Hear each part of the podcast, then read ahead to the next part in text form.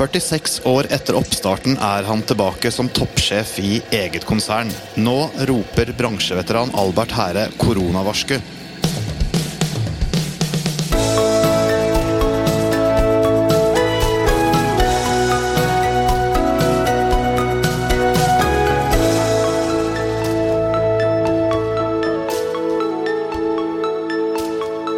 Det har skjedd mye de siste årene i Hære og Isaksen-gruppen. Først en gigantfusjon med byggentreprenøren Betonmast. Så en oppsplitting av selskapene to år seinere. Og nylig kom meldinga om at gamlesjefen sjøl, Albert Hære, trer inn som konstituert konsernsjef. I dag har vi med oss Albert Hære på Teams fra Vikersund her i byggeplassen.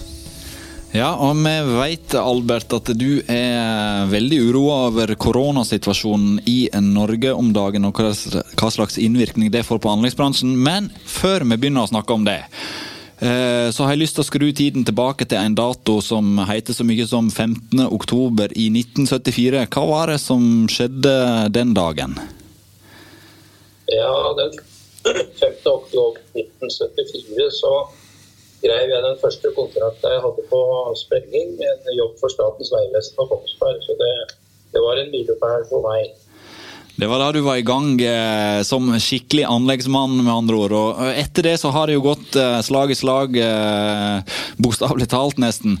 Eh, kan du si litt om eh, hvordan eh, situasjonen i, an, i selskapet ditt er nå, kontra det var den gangen?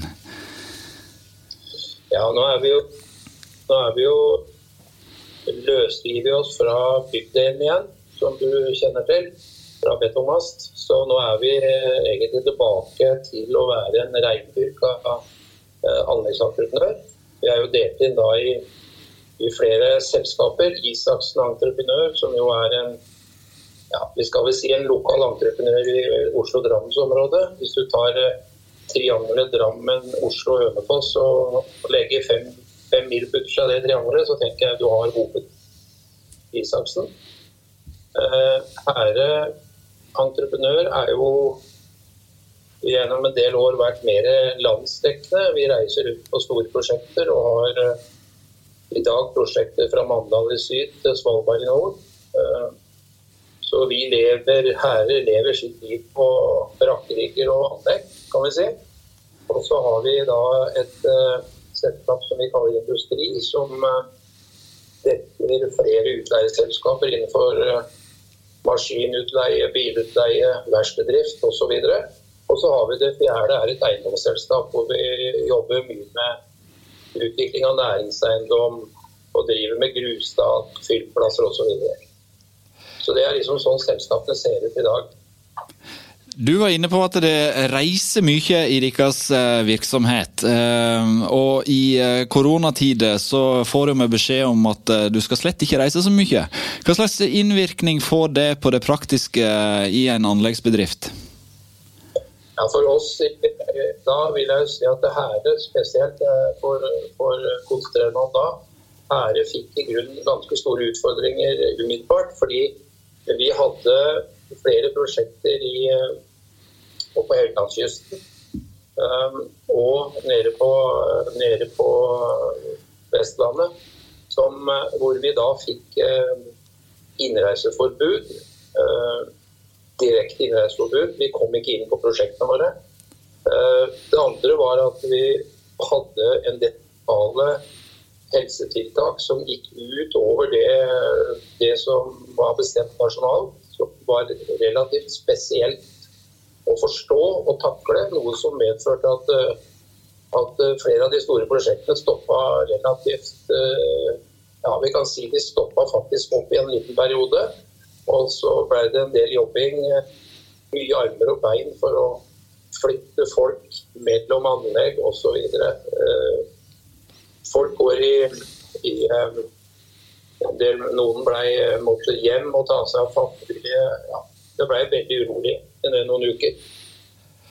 Men, men, hvordan er det nå? Hvordan er det blitt? Hvordan er det blitt nå? Altså, innreiserestriksjoner er vel helt vekk, men øh, er drifta oppe 100% igjen? Nei, det er ikke. Men vi er kommet, opp, vi er kommet nå inn i en mer normal situasjon, i den forstand at innenfor, de, uh, innenfor de regler som så har vi lært oss å takle dette på en relativt uh, smidig og fornuftig måte. Men det er klart, det å bo på store brakkerigger, kanskje vi er to, tre, fire mann, det å holde, holde regler for avstand Eh, vi må ha folk som smør niste og leverer ut. Eh, vi skal flytte folk fra brakkeriggen og ut i, ut i anlegget. Det, det, er ikke bare å fylle en lavbil som før. Nå må vi bruke helt annen måte å transportere folk ut på. Uh, skiftbytter, da skal vi desinfisere maskiner, brakker osv. Så, videre. så det er, det er langt fra normaldrift. Uh, men, men vi har funnet en praktisk måte å håndtere det på, så, så det går. Men, eh, men eh, det, koster, det, koster, eh, penger, og, og, det går på bekostning av, av framdrift. Det koster penger, sier du. Hvem er det som skal ta den regninga til syvende og sist? Og hvem har økonomi til å gjøre det? For, for, disse prosjektene så er det forholdsvis uavklart, sånn som jeg ser det per i dag. Vi har jo håpa at at eh, de store offentlige byggherrene, om det er eh, om du sier det er kommune eller fylkeskommune, Statens vegvesen, Bane NOR, Statsbygg, Nye Veier, at disse byggherrene eh, at de nå kan håndtere denne koronasituasjonen som en normal endring i kontrakten. Altså en, en uforutsett hendelse, en endring som kan reguleres rent kontraktuelt. Eh, for å få dette til, så tror jeg at, eh, at det må tildeles midler i disse kontraktene. Altså at de utvidede kontraktene får tildelt økte bevilgninger for å håndtere koronasituasjonen.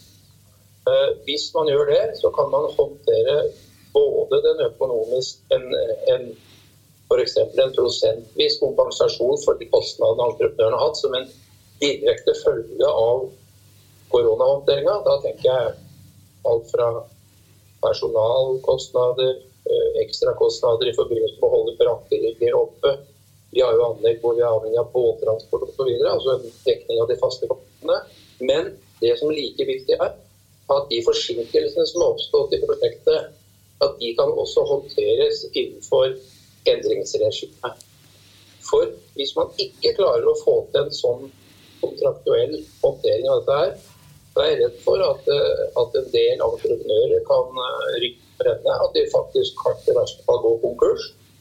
Og jeg er helt sikker på at de neste fem åra så kommer entreprenørene til å sitte i rettssalen og diskutere og krangle om forseringskostnader, dagmulter osv. Hvis man ikke får en ordentlig kontroll på dette, her, så kan det bli forferdelig vanskelig for mange bransjer. Du var nylig i et uh, digitalt Teams-møte, noe alle det vi driver på med her. Men uh, nå skal ikke jeg påberope verken meg eller Kristian å være minister i dette landet. Men du satt med Iselin Nybø, vår næringsminister, nylig. Og det snakka om tiltakspakke der, og det er en annen type tiltakspakke du vil ha, og det er du egentlig litt inne på nå, enn det som typisk kommer?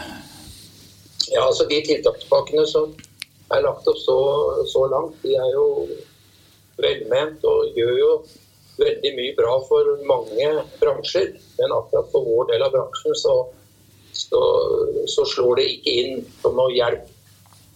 Eh, vi er nødt til å få det, eh, som jeg sa i det møtet, vi er nødt til å få øka bevilgninger inn til de store byggherrene, så de kan håndtere dette innenfor kontraktsregimet. Da slipper vi på diskusjoner om forfordeling, vi slipper noen diskusjoner om tilskuddsordninger er riktig håndtert osv. Dette blir, kan håndteres innenfor, det, uh, innenfor den verktøykassa som kontrakten egentlig gir rom for. Uh, så det, og jeg tror Jeg, jeg har snakka med mange, mange byggherrer. De ønsker akkurat det samme som, det jeg Mitt syn på denne saken her. Jeg tror de ønsker akkurat det samme. Men skal de kunne klare å få dette til, så, så må det altså komme økte bevilgninger inn i prosjektene, sånn, sånn at de kan håndtere dette på riktig måte. Det er den eneste farbare veien ut av det, sånn som jeg ser det. Men kom Nybø med noen lovnader? Sa noe som helst om, om, om hva, hva, hun syns dere kom med? Altså, var hun enig med dere? Nei, det var nok det møtet her eh, lagt opp eh, eh, sånn sett at de ønska å høre eh, hvordan eh, Det ble plukka ti aktører fra bygg og anlegg, og det var vel tre-fire fra anlegg og resten fra bygg. Eh, som da på en måte forklarte om de hovedproblemene de så. Og, men det ble også da fokus på hva kan vi felles gjøre for å komme ut av situasjonen og komme over i en, en ny hverdag etter korona. Og Det var liksom eh, neste del i, i møtet. Eh, vi er jo, var jo der eller jeg, i mitt, mitt, innlegg, jeg var jo klar på at uh, det var om å gjøre å sette i gang prosjekter som var klare til å settes i gang. Vi vet jo at det er et stort etterslep på riksveinettet. Vi vet at hele Norge mer eller mindre skriker etter rehabilitering for uh, vann og avløp. Uh, masse gamle anlegg som både er helsefarlige og, og og som eh, koster mye penger i, i vedlikehold, istedenfor å få, få bytta det ut og bygd nytt. Og Vi har jo hatt tilfeller av Askøy-saken er jo et sånt eksempel på mm. hva som skjer med folk når de får i seg dårlig vann. Så jeg mener at Det er mange prosjekter innenfor det segmentet som er klare til å startes. Og så er det også en del større prosjekter som er klare. Vi er jo sammen med PA klare til å bygge flyplass i Mo i Rana. Hvis man finner en ordning, så er det prosjektet kan starte umiddelbart. Eh, jeg var inne på Hålogalandsveien i forhold til å se på eh, muligheten til å dele opp denne OPS-kontrakten i mindre prosjekter. Noe jeg mener er åpenbart riktig i den situasjonen vi er nå. Så vi var innom en del sånne praktiske ting eh, for å på en måte vise at det er fullt mulig å starte nye prosjekter og få bransjen opp og få den i full fart igjen. Og Jeg hevda vel også det at, eh, at Jeg mener personlig da, at det er også mulig at hvis anleggsbransjen får tilstrekkelig med jobb, så har også anleggsbransjen kapasitet til å kunne svelge unna en del av de som nå er arbeidsledige, og som kanskje ikke kommer tilbake i jobb i yrkene de var i tidligere. Uh, Men... Anleggsbransjen kan, eh, kan, eh, ta inn en, en lage en, en, sånn ordning hvor folk som er da, er da, er da enten permittert eller oppsagt, eller som det i hvert fall da går på, går på Nav, lage en, lage en avtale med de ulike entreprenørene og slippe disse inn i tiltakene for opplæring og omskolering. Vi har jo skoleprosjektet på, oppe i Viksjøbakken i, i, vår regi, hvor vi nå i fire år har utdanna ungdom som har dette helt utenfor skolesystemet. Altså, det er Enkelte av dem kan ikke lese og skrive når de inn på skolen vår, så vi har jo klart å få disse ut i, i, i jobb og i lære eh, relativt raskt. Så samme metode. Vi kan, vi kan, hjelpe folk inn i jobb. Vi har 200 000 utenlandske arbeidere normalt i Norge innenfor bygg og anlegg. Mange av disse er ikke her og kanskje ikke kommer inn. Så at, at det er behov for arbeidskraft innenfor bygg og anlegg, det tror jeg det er. Og, og dette hadde vært et tiltak som jeg mener hadde vært enkelt og greit å få på plass og fått effektuert ut og skaffa folk jobb. Fått landet i gang igjen. Jeg eh, må nesten bare innrømme at du har nesten pløya gjennom alle de punktene vi har hatt på forhånd. der du. Nå, her på, på, slutten av sendingen så tenkte vi vi skulle spørre deg om den der fagarbeiderbiten din, men eh, du har allerede vært der. Og så var vi innom på dette med OPS, for det står nemlig på den punktlista vår over de tingene vi har lyst til å snakke med deg om. Hålogalandsvegen sier du bør deles opp. og Nå har vi nettopp fått ut eh, nyheten om at Sotrasambandet på 10 milliarder på bygging og 7 milliarder på drift og vedlikehold. Eh, den, eh, den, kommer som planlagt, eh, til, og da er det utenlandske entreprenører og utenlandsk kapital som skal inn. Og Jeg vet det fra før at du er ganske skeptisk du, til den OPS-modellen. Hvorfor det? Jo, altså, jeg, tenker jo at en OPS-modell den passer jo jeg, jeg, vet at, at, en del politikere har vært i Albania og sett på OPS-prosjekter osv. Og Grunnen til at man har brukt OPS-prosjekter i en del land, det er jo fordi at eh, man ikke har hatt tilgjengelig kapital i, til å bygge disse veiprosjektene eller andre typer OPS-prosjekter. Uh, I Norge så har jeg hevda at uh, Eller jeg tviler sterkt på da, om, uh, om, det er billigere å finansiere veibygging i Norge med utenlandsk kapital. Jeg tror ingen som er med å finansiere et OPS-prosjekt, gjør det uten at de skal tjene penger på det. Det er det ene. Det andre er at det kreves en kjempeorganisasjon eh, som skal håndtere OPS-prosjektet. Og Den organisasjonen kommer i mange tilfeller i tillegg til byggherrens egen organisasjon.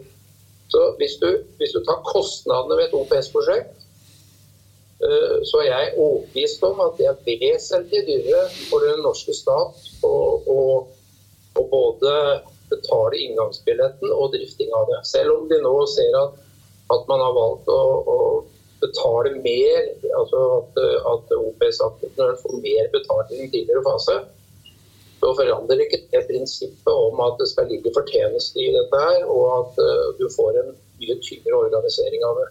De nye kontraktsmodellene som Nye Veier har jobba med nå, og flere prosjekter med stort hell, og som for så vidt også Vegvesenet har starta med, uh, noe tilsvarende, er jo, er jo, gjør jo akkurat det samme. Da bygger man vei, og entreprenøren har et garantiansvar og et drift- og vedlikeholdsansvar.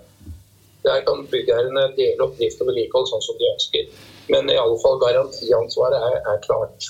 Så det finnes gode kontraktsmodeller i Norge hvor dette kan håndteres likeså profesjonelt og med samme effekt som et OPS-prosjekt gjør. Men da kan de norske være med å konkurrere om det. Men jeg oppfatter jo at den debatten som mye har gått rundt eh, OPS, da, eh, og eh, har med størrelse å gjøre Si på Hålogalandsvegen så blir jo den Det blir snakka om 9 milliarder, og at kanskje ingen norske eller nordiske entreprenører for den del er så interessert. Er ikke det vel så stort problem, akkurat det med størrelse? Jo, altså størrelsen gjør jo at du ekskluderer alle norske. Hvis du tar det, det prosjektet nå sa til 10 milliarder og peker opp i, i tid, det er åpenbart at det er mange entreprenører som kan slå seg sammen og, og konkurrere om et prosjekt på 1 milliard. Men det er ikke veldig mange i Norge som kan konkurrere om ett på ti. Kanskje, kanskje én eller, en eller to. Og, og, og, vi må huske på at, vi må huske på at når vi snakker om entreprenøren som gjør en jobb ved et OPS-prosjekt f.eks., så må vi også ta med alle de andre som er med i det prosjektet. Vi kan ta de rådgivende f.eks. ser Viteo utfordrer allerede hvor uten store utenlandske entreprenører har valgt norske eh, selskaper som er med på rådgivning, og hvor disse da blir eh, kanskje skippa ut av konkurransen før man kommer i gang med, med jobben. Mitt poeng er at, uh, at prosjektene kan håndteres innenfor den totalkompetansen vi har i Norge, på en god måte. Eh, og man er ikke avhengig av å ha, ha kjempestore utenlandske selskaper gjøre dette her, hvis man deler opp og håndterer det. Hvor mye av et prosjekt til 17 milliarder som vi ser på Sotrasambandet, kommer til å bli igjen i Norge? Hvis du regner 10, million, 10 milliarder? Ja. Det er veldig vanskelig å si. Det er veldig vanskelig å si. Du, du, var jo inne på i starten her at du har drevet på i mange år. 1974 var en, eh, et merkeår sånn sett. Eh, hvordan vil du si at eh, bransjen som sådan har utvikla seg? Vi var inne på utviklingen i selskapet ditt, men bransjen hvordan, Du har jo gått fra en tid der du har, har gått, inngått kontrakter med en handshake og kanskje skrevet underskrifter på en serviett, og så i dag er det 4000-5000 punkt du skal gjennom. Ja, du kan godt begynne med den, begynne med den servietten og, og handshaken, for det, det, det, holdt seg mange år. Men uh, vi har jo, hele bransjen har gått nå fra å være regulert etter ganske kan du si, uh, tradisjonelle standarder. Det er enhetpriskontrakter for Statens vegvesen, og det er uh, norsk standard altså for andre offentlige byggherrer. Det er liksom et ganske enkelt kontraktregime. Så går vi nå i mange nye kontraktsformer. Og, og alt baserer seg på totalantipriser, kan man si. På. Og så er det forskjellige avvalg på dette her. Og det er klart at uh, Kompleksiteten i å i å uh, regne et prosjekt uh, som er liksom blitt det typiske i dag, kontra det som var bare for fem-seks år siden, har endra seg enormt. Så det, det, stiller jo helt andre krav til oss som entreprenører å jobbe i det markedet vi opererer i dag. Helt andre krav. Og, og risikoen i prosjektene har jo også økt gjennom at større og større ansvar blir lagt på entreprenøren. Men kontrakter nå i ettertid, altså nå etter korona, vi ser jo hvordan det påvirker eh, og vil påvirke som du sier, anleggskontraktene. Hvordan kommer de til å bli utforma? Altså, det virker jo som om veldig mye risiko nå ligger på entreprenøren. Vi har jo sett det har vært noe utspill rundt det fra Statens vegvesen bl.a hvor de har diskutert dette av situasjon som nå skal innarbeides i kontraktene. Nå har vel ikke, nå jeg personlig sett uh, vært nøye gjennom og sett på noen kontrakter hvor noe av dette har blitt innarbeida, hvis det er blitt det. Men uh, det er ett element i det. Dette med korona så langt som vi kjenner nå i dag, er nå én situasjon. Men vi vet svært lite om hvordan korona vil påvirke oss fremover. Og eh, jeg så på et av våre prosjekter nå forrige uke, så var det én person eh, som da fikk noe influensa-typesymptomer. Og jeg så jo det på en måte det, den konsekvensen at én da holdt på å sagt blir litt eh, alvorlig bekjøla, eller hva jeg skal si. Eh, og, og hvor, hvor altså dette tar da noen dager før man får avklart om den er smitta eller ikke. Det blir satt i gang relativt omfattende tiltak på et sånt prosjekt bare ved å inn tiltaket. Og sånn, sånn, er det jo dette lagt opp, og sånn må vi gjennomføre det. Så vi er veldig sårbare akkurat sånn som det er nå. Og så kan det hende at vi får mye raskere konstatert om vi har smitte, og det jobbes med det. Men, men vi er fortsatt sårbare. Og det å overføre en sånn risiko entreprenør er jo det er et tankekors. Og så har vi alle det du egentlig også spurte om. Det er jo hvordan vil kontraktene være? Jeg tror jo og håper at dette vil bli en, fornuftig blanding av, av enhetspriskontrakt og andre kontrakter. Og, og, og, så er det jo de kontraktene som nå er klare til å startes, hvor langt har de kommet i forberedelsene? og Det vil jo også selvfølgelig bety mye for hvordan kontraktene blir, blir lagt ut i, i markedet. Vi var inne på de utfordringene som har vært med konflikter og sånn, og den utviklingen der, og kontraktsvelde og regime der. Men det må jo være ting i løpet av de årene dine i bransjen som har blitt bedre òg. Eh, hvordan har bransjen utvikla seg i positiv retning? Altså, Hvis jeg skal ta det med konflikter, da, som har vært en kjempeutfordring noen år, så er jo jeg av den oppfatning at alle de store byggherrene ikke ønsker at, det, eh, at den situasjonen skal vedvare. Så jeg opplever at alle de store byggherrene har, har jobba aktivt for å unngå å komme opp i sånne situasjoner i fremtiden. Og det er veldig mange av kontraktene vi nå jobber på. Det er jo preg av at du blir belønna for samarbeid, du får bonuser hvis du har null tvist eller sluttoppgjør osv. Så, videre. så det er gjort ganske mye bra jobb i kontraktene for å, for å for å få denne eh, problemstillingen med at alle, skal, alle sluttoppgjør skal ende i retten, vekk. Så derfor så var jeg innledningsvis veldig redd for at denne koronasituasjonen nå skulle slå stikk motsatt. At vi nå får en oppblomstring igjen.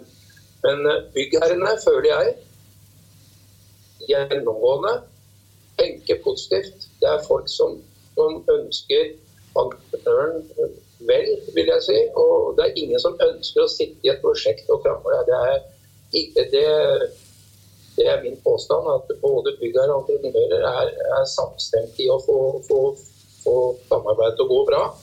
Men da må også kontraktsmodellene og håndteringen av det selvfølgelig legge opp til et sånt løp. Og der føler jeg at det har gjort mye bra jobb fra byggherren, spesielt de siste årene. Når er det den verste krisa slår inn? For nå har, Vi står jo midt oppi jo nå, men når slår den verste krisa inn for bygg- og anleggsdelen? da? For det her har vi en forsinka effekt. For de kontraktene som en normalt ville inngått nå, holder vi kanskje litt tilbake på, spesielt på byggsida. da. Men uh, du kjenner nå, kjenner bransjen, så du har sikkert noen tanker rundt det? Altså, jeg, jeg, altså Dette er jo et spørsmål som er veldig vanskelig å, å, å svare på. For uh, jeg, Vi vet jo ikke hva, hva framtida bringer.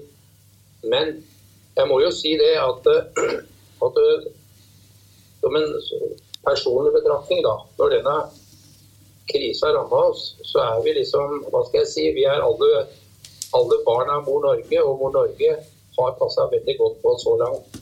Jeg tror at, at politikernes Altså måten politikerne står samla på for å få Norge gjennom denne krisa og ut av krisa, det inngir tillit. Og jeg tror at det kommer til å bli bevilga penger eh, til å sette i gang de prosjektene som kan igangsettes. Og spesielt da også eh, de som er, gir stor samfunnsprofitt. Så eh, for anleggsbransjen del så ser jeg ikke svart på dette her. Det som er, som jeg forstår er mye vanskeligere innenfor bygg, det er jo selvfølgelig er du, er du, Går du på Nav, kjøper du deg da nytt hus eller ny leilighet. Det er klart de problemstillinger rundt det her Det syns jeg er mye vanskeligere. Men at, at myndighetene kommer til å sette i gang anleggsprosjekter for å prøve å holde jorda i gang og få folk ut i jobb, det, det tror jeg på, inntil det motsatte er bevisst. Og dere har kapasitet til å gå i gang ganske kjapt? Altså, vi er i den situasjonen at uh, i Hæren nå, hvis, hvis, ikke dette flyplassprosjektet for kommer, kommer i gang, da er vi over i store permisjonsproblemer uh, allerede etter, uh, etter ferien. Når var det egentlig det skulle i gang med, med flyplassprosjektet, da? Når var det det skulle i gang med fly, flyplassprosjektet? Ja, det skulle vært, eh, Prosjekteringa skulle vært starta nå i påsken. Så, så, eh, vi hadde håpa å komme i gang i august med forberedende jobb. Det var planen. Det er jo eh, det, men, men ja, permitteringa og, og, den biten der Har det måttet permittert noe gjennom den tiden det har vært, da? Ja, vi var, var vel oppe i en, ja, borti 200 stykker som var permittert på det meste. Og det har vært kanskje tilknytta sånn reiserestriksjoner og sånne ting? Ja, altså du vet eh, reiserestriksjoner, og så blir det jo da Vi har jo en administrasjon ikke sant, som skal holde, holde dette i gang. og så vi, vi, vi, måtte rett og slett bare ta grep for å redusere kostnadene. Apropos Vi har fått beste i hjemmekarantene og omsorgspermisjon og sykemeldte og permittert, så var vi nå bare i hæresystemet opp igjen 400 stykker. Eh, Isaksen klarte seg ikke så gærent gjennom det, fordi at der er det jo sånn at folk ofte bor hjemme og kan smøre niste og, og spise den i, i maskin eller i lastebil. Så de hadde har klart det litt enklere, men for oss som var avhengig av reise så, så har det vært vanskelig. Svalbard f.eks. er fortsatt uh, håpløst å komme inn på. Du, Apropos eh, administrasjon, som du var inne på. Uh, det har jo gjort grep der i dag. Det har ansatt en uh, vise, uh, visekonsernsjef. Du er jo konstituert konsernsjef. Så første spørsmål er hvor lenge skal du nå være konsernsjef? Og for det andre, kan du fortelle oss litt om den nye visekonsernsjefen, som òg er en kjent bransjemann, i, kanskje ikke fra anleggssida, men fra rådgiversida? Christian Ørgaard Madsen er nok kjent for mange i, rådgiverbransjen. Han, han eh, siste store selskapet han leda, var jo, var jo med og tok det på børs. Så han har jo lang erfaring.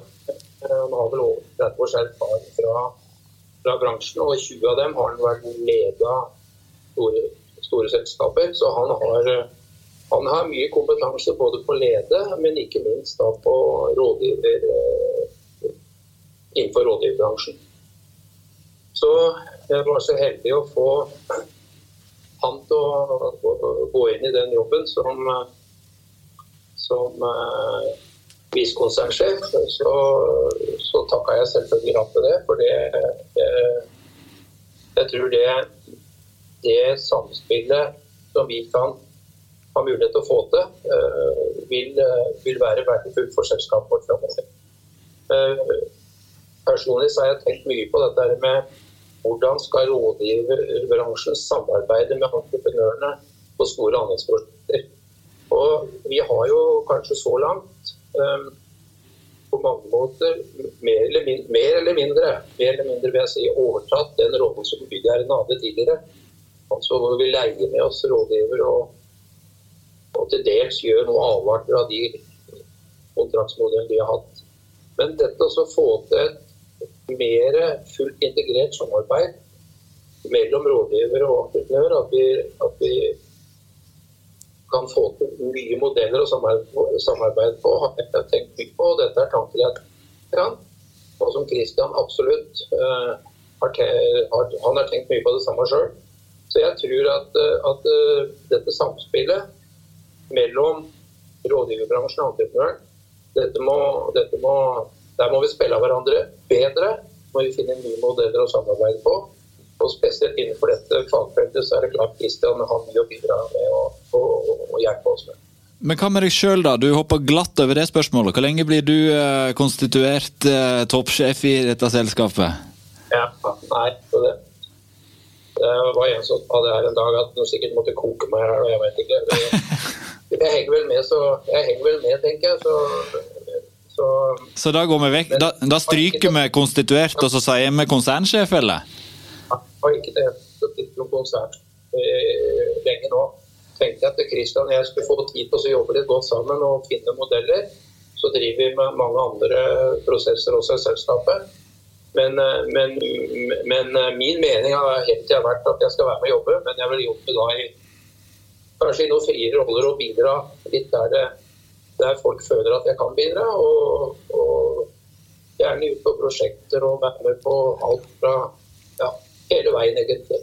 Der folk føler at, jeg, at de ønsker at jeg skal være med. Så jeg har nok eh, til hensikt Jeg tror ikke det, blir ikke noe det blir ikke noe jule, julemiddag i år som konsernsjef, det kan jeg love deg. det blir ikke det!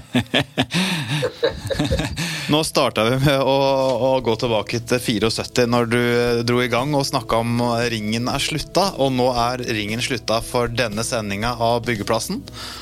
Kristian eh, Aarhus og Frode Aga var programledere. Tusen takk til Albert Hære som var med fra Vikersund. Vi er snart tilbake med en ny episode av Byggeplassen.